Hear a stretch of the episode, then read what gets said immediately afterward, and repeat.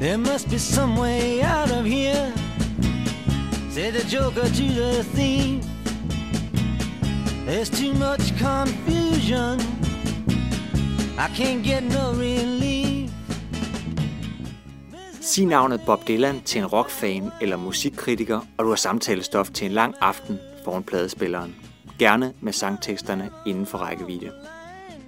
Siden han pladedebuterede i 1962 har Dylan fascineret og forarvet det første med sine talløse, udødelige sange, det sidste med sine uventede og ofte svært gennemskuelige kunstneriske valg. Men om man er fan eller ej, så var Dylan en af de første, der i 1960'erne beviste, at rocktekster kan have et poetisk indhold, og at rockmusik også kan være kunst, eller i hvert fald noget, der ligner. Mit navn er Morten Amitsbøl, og i den her udgave af Leitmotiv kan du møde en person med et livslangt, passioneret forhold til Dylan og hans musik. Thomas Ubbesen er journalist, han er kendt fra Danmarks Radio, hvor han igennem en lang årrække har leveret reportager fra verdens konfliktområder. I de senere år har han arbejdet intens med flygtningekrisen, og han har fulgt flygtningene på deres vej til og gennem Europa. Derudover er Thomas stor Bob Dylan kender, fan og fortolker. Sidstnævnte praktiserer han som en del af orkestret Band Dylan, der spiller Dylans sange og fortæller historien om den navnkundige Robert Allen Zimmerman, folkesangeren fra Duluth, Minnesota, der tog sit kunstnernavn fra den walisiske digter Dylan Thomas og satte poetisk strøm til 60'ernes musiklandskab. Jeg satte Thomas i stævne i Landbohøjskolens have på Frederiksberg. Her fortalte han om sit forhold til Dylan, og jeg bad ham fremhæve et enkelt album fra mandens enorme diskografi. Thomas valgte at slå ned på John Wesley Harding, Dylans 8. studiealbum fra 1967. Pladen markerer et skift til en spartansk, minimalistisk lyd, der befinder sig et godt stykke fra forgængeren Blonde on Blonde, og langt fra samtidens farverige psykedelia med navne som Jimi Hendrix, Jefferson Airplane og Beatles i deres Sgt. Pepper-periode. I fokus er i stedet Dylans tekster, der er fyldt med bibelske figurer, outsider-eksistenser og mytologiske skikkelser fra Amerikas fortid. Inden vi dykker ned i samtalen om pladen, tager vi her en bid af titelnummeret, der også er første skæring på albummet. John Wesley Harding was a friend to the poor. Traveled with a gun in every hand. All along this countryside, he opened many a door. But he was never known to hurt an honest man.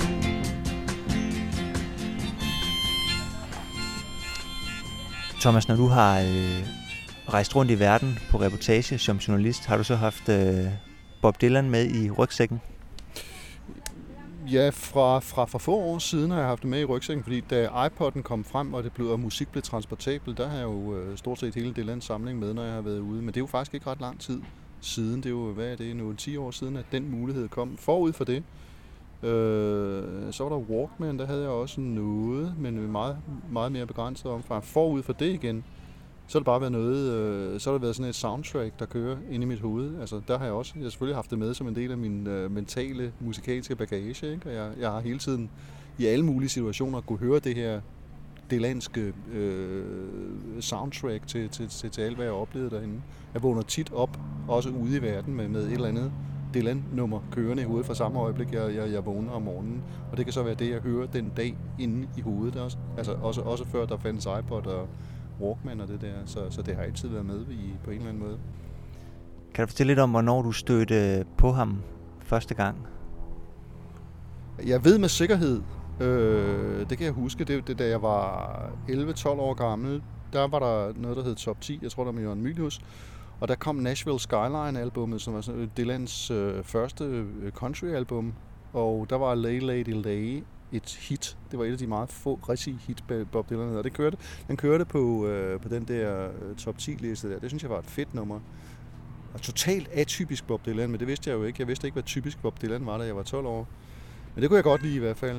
Øh, så nogle få år senere, så dukkede en af mine storesøsters venner op med tre øh, Dylan-album under armen. Sådan, og de, det, var, det var de store. Næsten, det var nogen, der var et par år ældre end mig, sådan nogle fyre der. De, var, de stod for mig nærmest som de voksne med kæmpe autoritet. Og det, at de kom der, de der, de der cool fyre der med, med tre Dylan-album, det pegede bare i retning af, det måtte, være, det måtte være noget, man skulle lytte til, hvis man var cool. Så det begyndte jeg at gøre. Og, øh, og det kunne jeg godt lide. Og der var ikke ret lang tid, før, før jeg før alle, alle, alle pladeindspillinger, jeg købte der, det, var, det blev så Dylan-plader, indtil jeg havde dem alle sammen. Så begyndte jeg at se mig om efter andre, øh, øh andre genrer, andre, andres kunstnere. Men der, der var en overræk der, mens jeg var teenager, fra jeg var 15-16 år, affødte det der, at det ene førte til det andet, og til sidst havde jeg været... I det første album, jeg købte, det var faktisk John Wesley Harding. Det var det allerførste. Øh, eller rettere, jeg ønskede mig det i julegave, og vidste, at jeg ville få det i julegave, og vi skulle holde øh, jul oppe på et, et hus, vi havde oppe i Thy. Vi skulle køre fra København og derop. Og fordi jeg vidste, at jeg ville få John Wesley Harding, så var jeg også nødt til at høre det, når vi kom op i det hus der ude, ude på en, en pløjemark i det fjerneste Thy. Så for at kunne høre det, så havde jeg taget hele, hele familiens øh, pladespillere og højtalere med i den der tæt proppede bil, fordi jeg ville ikke kunne, jeg ville ikke kunne overleve den juleferie, hvis ikke, øh, hvis ikke jeg fik, fik mulighed for at høre det her album igen. Så det blev stillet op deroppe, og jeg fik den ganske og det var John Wesley Harding, så det var mit første Dylan-album.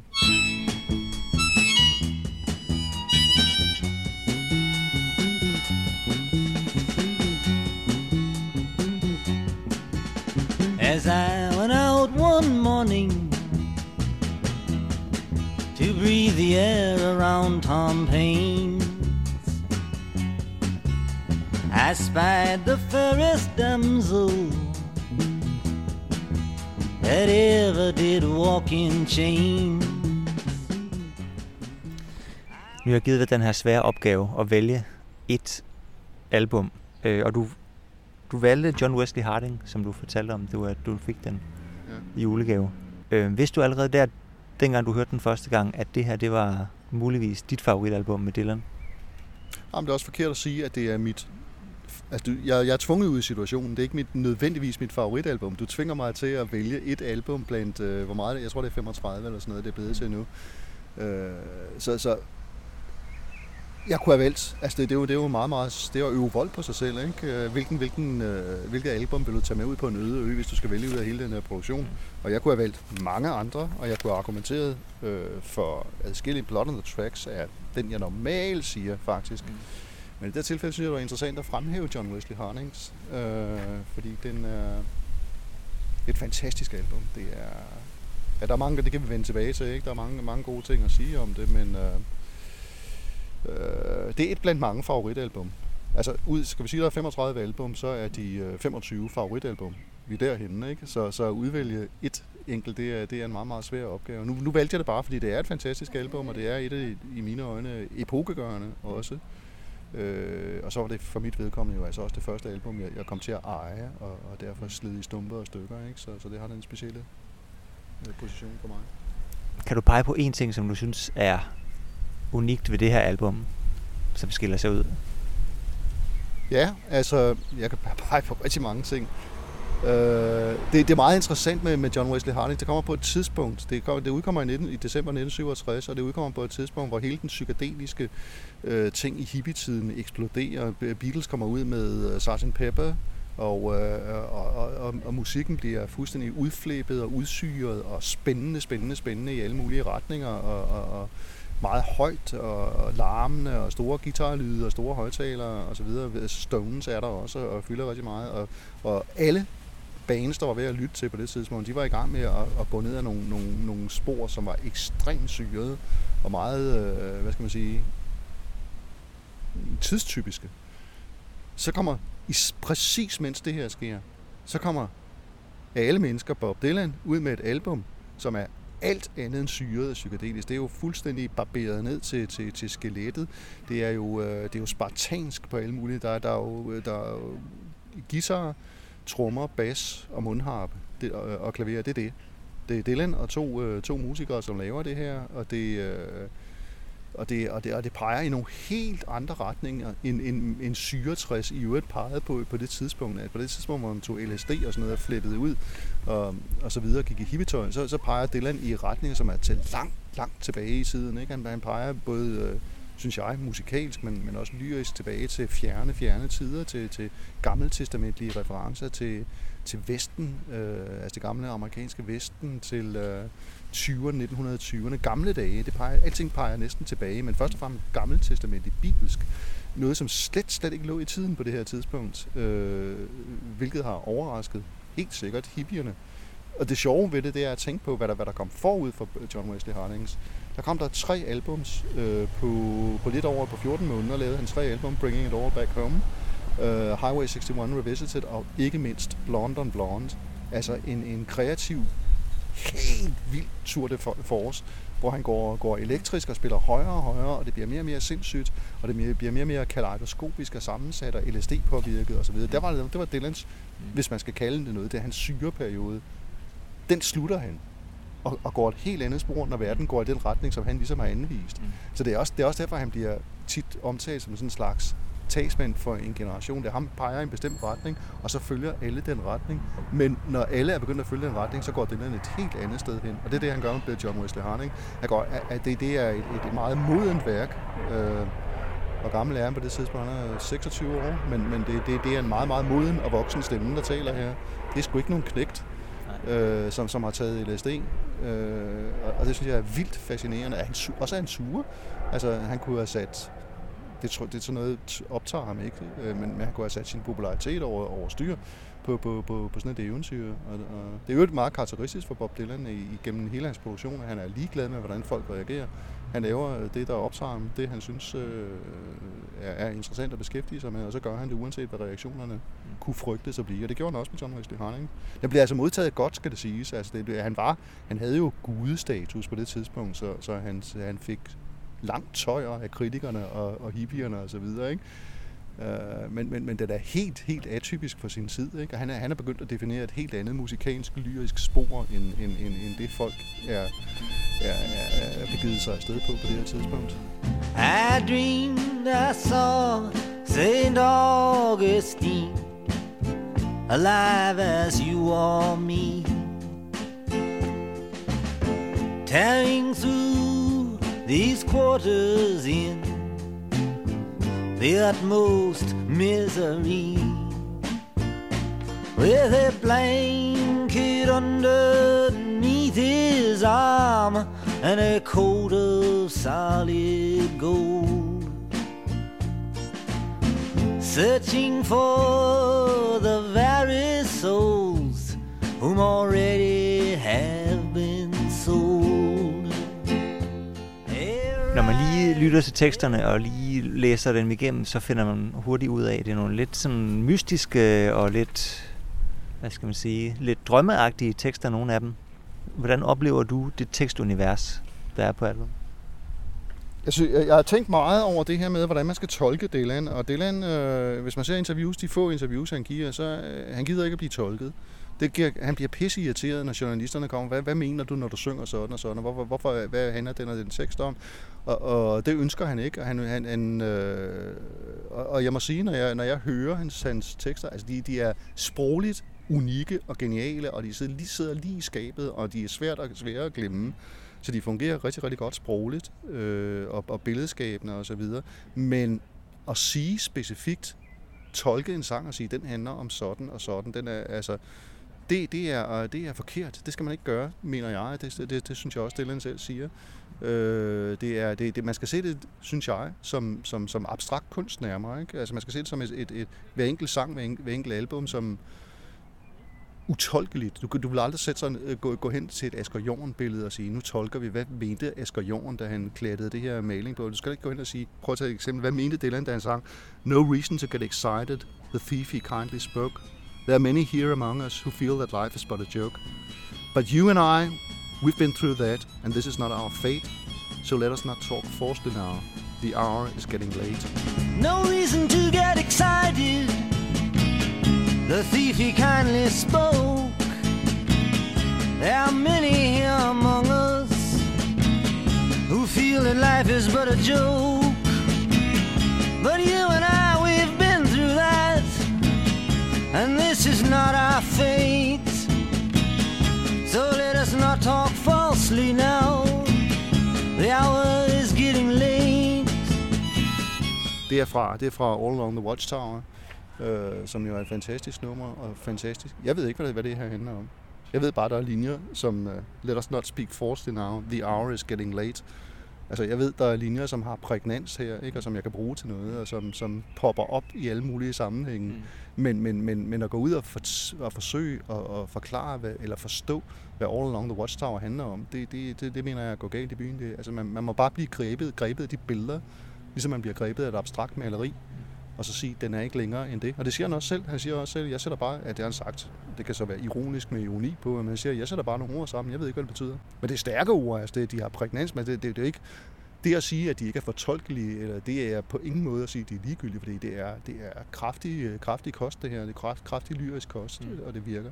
Hvis man sætter sig ned, og det har, det har jeg gjort, altså jeg har hørt nummeret utallige gange, øh, teksten er fuldstændig unik, men den er, den er, den er unik meget i kraft af det, der ikke er der. Det, det, du skal selv udfylde de tomrum, der bliver, der bliver sat nogle punkter, og så må du selv forbinde øh, stregerne mellem de ja. to punkter, og så begynder der at danne sig et billede. Det er et billede, du selv laver ind i det. Det er ikke et Bob Dylan nødvendigvis har lavet til dig, men, men meget, meget typisk i den her sang, den slutter jo med uh, Two riders were approaching, the wind began to howl to ryttere nærmede sig ude i det fjerne, og vinden begyndte at hyle. Ikke? Det er sådan, det totale drama er stillet op. Nu skal det til at starte, og her slutter sangen. Mm. Bum. Så, så må du selv, altså indtil ja. da, der har man, der har man fået et, øh, et panorama opstillet på en, en, en, en ridderborg eller et slot med, med, med, øh, med ridder og, og, og lakajer og tjenere, som, som går rundt og konger og sådan noget. Der sker alt muligt på det her slag. Der er i hvert fald alle mulige figurer til stede, øh, ja. men vi ved ikke, hvorfor scenen bliver sat for det her. Og det første, og det ildevarsende til, til sidst bliver der sat, der, der, der er et eller andet, et eller andet truende er under opsejling.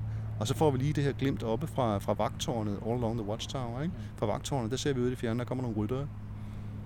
Øh, de har vist ikke noget godt i sinde, det forestiller jeg mig i hvert fald efter, øh, sådan som jeg forstår sangen. Øh, og så kan man jo begynde at, at, at se for sig det her apokalyptiske, som, som det begynder at trække op til. Outside in the distance A wild cat did growl Two riders were approaching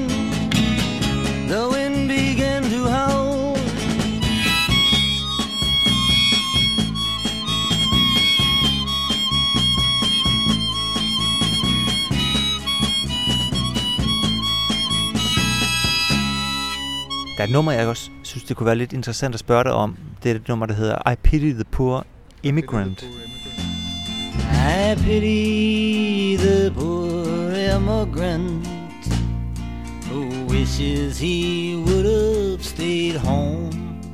Altså, det, det, altså nummeret har i senere år kommet til at spille en, en stor rolle for mig fordi jeg, jeg selv som journalist har fulgt flygtningestrømmen, The Immigrants, der øh, gennem de sidste to-tre år er meget, meget tæt på den der proces. Mm. Øh, har været meget overvældende og meget hårdt at være vidne til, og altså meget menneskeligt, brutalt. Øh, og, og, og så af gode grunde, så dukker det nummer I Pity the Poor Immigrant, altså i den, jeg har været ude alle de der steder og snakket med flygtninge, det dukker selvfølgelig op.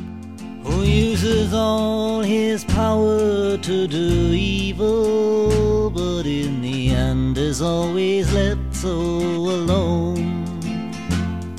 Altså i virkeligheden, det, det, er jo ikke, det er jo ikke en hyldest til, det er jo ikke sådan, jeg ynker eller har medfølelse med, med, med, med de stakkels immigranter, det er det jo, altså det kan man jo tro, når man hører omkvædet. Men, men det er snarere en, øh, en fordømmelse af, af, af, af de her migranter, immigranter. Ja. Det har ikke noget at gøre. Det, kan, at det er forkert at hvad skal man sige, transformere det over på en nutidig øh, immigration. Det kan man ikke gøre. Det er bare på grund af titlen, at jeg ikke har kunnet lade være med. At, mm. sådan. Der er nogen, der siger, at sangen handler om, om USA som, som, som migrantnation. At USA øh, er jo et stort monster i konglomerat af folk, der er kommet fra hele verden. De er alle sammen migranter, de er alle sammen immigranter, de er alle sammen kommet et andet sted fra. Og det er det USA's befolkning og USA's skæbne, han pittier, han har medfølelse med, som, som, som måske er det, det, det er muligt, at øh, det, det er en brugbar tolkning på det. Men det er ikke, det er ikke Dylans hjerte bløder for, for øh, immigranter, som drukner i Middelhavet eller, eller ved de græske øer. Det er slet ikke der, den ligger. Øh, det, og, det, og det vil også det vil være helt atypisk for Dylan at lave noget så, så konkret. Altså, fordi titlerne i øvrigt er tit grebet ud af luften. Altså de, de, de, det er nogen, der er opfundet, man kan høre det spontant, de er opfundet spontant, de titler, han giver. De titler har de ikke noget med sangen at gøre overhovedet. Her er det en del af omkvædet, skal det dog siges, ikke? Men, men om det er en sang, der handler om, om flygtninge og migranter, som, som vi kender det i dag, det tror jeg bestemt ikke, det gør. Mm. Men det er alligevel et nummer, som har er dukket op i dit hoved, når du har ja, rejst? Ja, vi har spiller det også nu med meget med mit band, der Band Dylan. Mm. Fordi vi, altså, vi beskæ- altså, jeg beskæftiger mig med det, og jeg har skrevet bog om det og så videre, og holder foredrag om det. Og når vi optræder, så, så tager vi tit det der nummer med, vi har lavet vores egen fortolkning af det. Fordi det er, det er, det er jo næsten umuligt at lade være i situationen, som jeg har filtreret så meget ind i selv. Øh, ikke, ikke at bruge det her, så det gør vi. Whose visions in the final end must shatter like the glass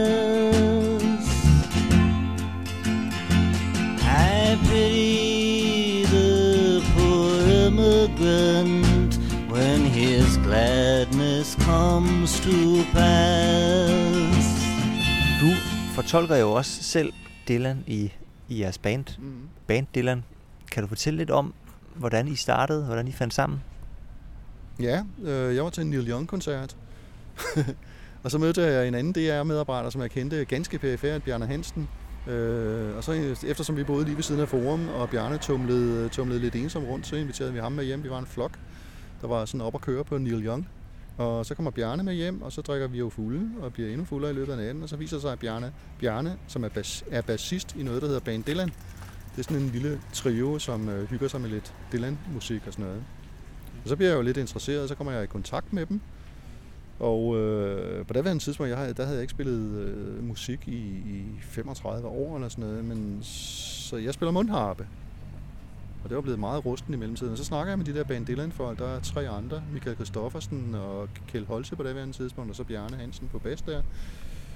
Og så, ja, vi har i hvert fald en fælles interesse, ikke? og jeg er ude og høre dem, og det lyder sgu godt. Og så ville de gerne have mig med i en eller anden rolle. Så, så gik jeg og tænkte over det i lang tid. De lavede, de, de lavede en quiz, dengang jeg var ude og hørte dem sådan til publikum. Og det var meget pinligt, for jeg, den eneste, der kunne svare, det var mig. Jeg kunne svare på alle spørgsmålene. Jeg sad der og poppede op som trold af en æske på hver eneste spørgsmål. så det gik jo ikke rigtigt. Men de vil gerne have mig med i bandet, og så, ja, jeg kunne jo altså spille noget mundharp. Og, men så tænkte jeg, tænkte jeg ind i det, hvorfor, hvorfor skal vi ikke, lad os, lad os lave, lad os arbejde med en fortælling om Bob Dylan, fordi Bob Dylan er jo en fascinerende person og en fascinerende kunstner, og der, altså udover hans musik, som vi ikke kan drømme om at leve op til. Den er god, vi kan repræsentere det, vi kan lave vores egne tolkninger osv. Men, men, men derudover er der, nogle fantastiske øh, livshistorier om den her, den her fantastiske kunstner. Så ideen blev, at jeg, jeg bliver fortæller. Jeg fortæller historien i forskellige takes om, hvad Bob Dylan er for en person, hvad hans hvad hans historik er, hvad hans kærlighedsliv er, hans katastrofer, op- og nedture, alt det her er meget dramatisk og spændende historie, som jeg så øh, fortæller, mens jeg spiller, og så spiller jeg mundharpe på, på en række af numrene der. Så, så vi har udviklet en, øh, en fortælling om Bob Dylan illustreret med et stort antal numre. Så vores, vores, det, er jo, det er jo skide sjovt, og vi, vi elsker at lave det, og vi er øh, temmelig meget ude og optræde med det. Og det eneste problem, vi har, det er, at øh, der er jo ikke plads til mere end de der 18-20 numre, og det er, altså som jeg har snakket om allerede, at vælge ud af den produktion, hvad det skal være for nogle 18-20 ja. numre, det er altså tortur. Ja. Tænk, tænk, tænk, tænk, tænk at være tvunget til at udlade øh, Mr. Tambourine Man, eller Love Minus Zero, No Limit. Øhm, tænk, at, tænk at, at, skulle droppe dem af vores show. Det er, jo, det er jo næsten ikke til at holde ud, men uh, der er kun plads til det, der er plads til. Har det afledt uh, kontroverser i bandet at skulle vælge? Altså, vi har, vi har, jeg vil ikke sige en konflikt, men vi har da løbende diskussioner om det der repertoire, hvad det skal være. Jeg har, jeg er nødt til at sætte mig igennem af den gode grund, at, at, at de numre, vi skal bruge, skal, skal passe ind i den fortælling. Det er mig, der fortæller det er mig, der fortæller historien, og hvis den her fortælling skal holde. For det sidst vi havde øver, der var der en, der, vi har et nummer, der hedder Sarah, hvor, hvor, hvor Dylan i 1965 står lige for at skal skilles fra Sarah Land, øh, fra sin, sin kone, som han har tre børn med. Øh, og så laver han den her fuldstændig fantastiske, smukke kærlighedssang, der hedder Sarah, som altså får ens hjerte til at, til at bløde, når man hører den. Ikke? Og så var der egentlig i der forestod, at ah, nu har vi spillet den nok, og nu skulle vi droppe den og sådan noget. Altså, det, så må jeg bare sige, at det, det går ikke, vel? Altså, det, jeg kan også godt, vi har hørt den lidt mange gange, der bane, men, men altså, hvis vi skal have historien om, om hans kærligheds liv og hans kone og, og brudet der, det der, det der knæk, der sker i hans liv, kunstnerisk og personligt, så er vi nødt til at have Sarah, som ligesom sætter punktum for mm. skilsmisseprocessen, som, som på daværende tidspunkt fyldte meget og, og, og var aftegnet i hans musik. Så, men det er bare sådan, så er man nødt til at tage den diskussion, og der, det er fint nok, ikke? Øh, men, men, men sådan er det bare. Altså, vi, vi, er nødt til at, vi er nødt til, for hver eneste nummer, så skal vi igennem den der proces med, øh, hvad, hvad, hvad er det, vi kan tåle og undvære, og, og hvad er karakteristisk for ham, og hvad, og hvad må vi bare have med, ikke? When that steamboat whistle blows I'm gonna give you all I got to give And I do hope you receive it well Depending on the way you feel that you live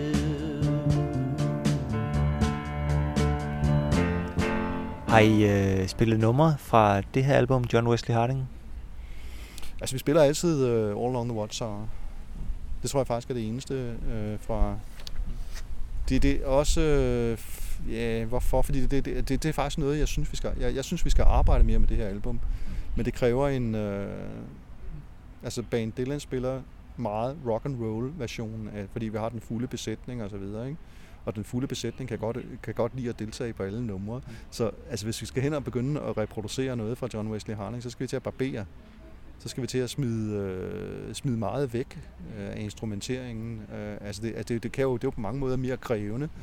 at, at stå der nøgent og skære det ned til, til, til, det enklest mulige. Mm. Altså det, det, det er lettere at lave den store lyd og, og brage igennem og, og spille højt og så videre, ikke? Og, og barbere det ned til det der sublime udtryk, som Bob Dylan har på John Wesley Harding øh, så skal man altså være god. Og jeg synes, vi er gode, men om vi er gode nok til at, til at, til at reproducere John Wesley Harding på en stændig vis, det, der er jeg ikke helt sikker på, Nej. at vi er henne endnu. Så ydmyg må jeg være over på det.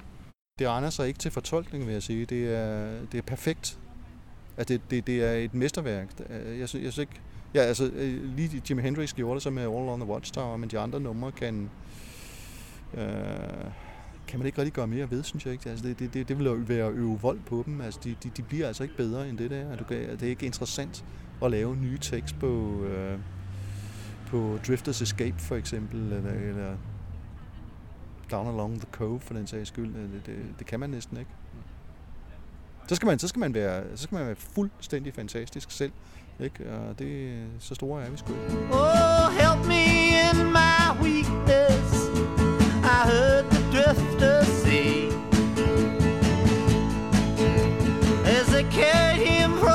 courtroom and were taking him away.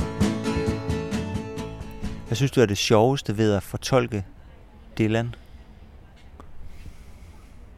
Jeg, jeg, altså, nu har jeg den særlige rolle, jeg har i bandet. Jeg synes, det sjoveste, jeg er en fortæller. Jeg, jeg er journalist og, og, og har fortalt og fortalt og fortalt. Og jeg kan godt lide den rolle, at fortælle, at gøre folk interesseret i noget, som interesserer mig.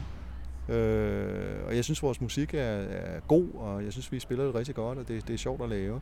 Men, men, men, men det, jeg godt kan lide, det er, når jeg hører folk ligesom forlade vores koncerter, hvad jeg hører tit, og så synes de, at øh, nå, så, har de, så har de fået sat Dylan ind i en eller anden referenceramme, så synes de lige pludselig, at de forstår, hvad hele det her Dylan-fænomen, som jo altid har eksisteret, og nogen synes, han er redselsfuld i øvrigt, men, men så kan de pludselig forstå, Nå, hvad er det for en kontekst, han, han, han opererer indenfor, og hvorfor er det alligevel værd, uanset hvordan man har det med hans stemme. Der er nogen, der synes, han synger grimt, og har en dårlig stemme. Der er altid der er mange, der har meget, meget at indvende. Ikke? Øh, men, men, men, men historien øh, gør, Nå, jamen, det, det er ligesom, så er, så, er så er læst en total biografi, og, og så pludselig giver det mening, hvorfor de her numre er, hvad de er. Ikke?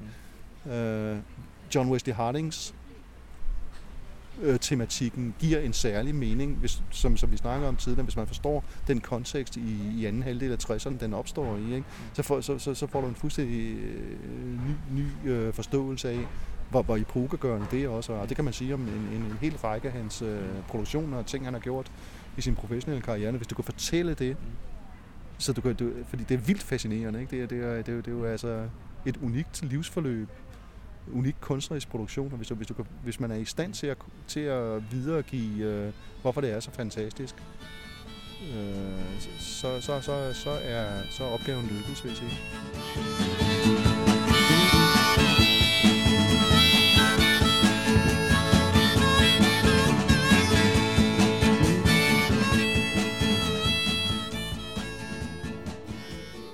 Du har lyttet til Leitmotiv, Biblioteket Frederiksbergs podcast om din yndlingsmusik. Vi har været i selskab med Thomas Ubbesen, journalist, Bob Dylan-fan og medlem af orkestret Band Dylan. Hvis du er nysgerrig på sidstnævnte, så besøg hjemmesiden banddylan.dk, hvor du kan se videoer og læse om kommende koncerter med gruppen. Næste gang i Leitmotiv skal vi en tur til Sverige og lægge øre til en af Nordens helt store jazzplader, Jan Johanssons Jazz på svensker. Indtil da kan du høre de tidligere udgaver af podcasten på Biblioteket Frederiksbergs hjemmeside fkb.dk, i iTunes og i din foretrukne podcast-app. Mit navn er Morten Amitsbøl. Vi høres ved.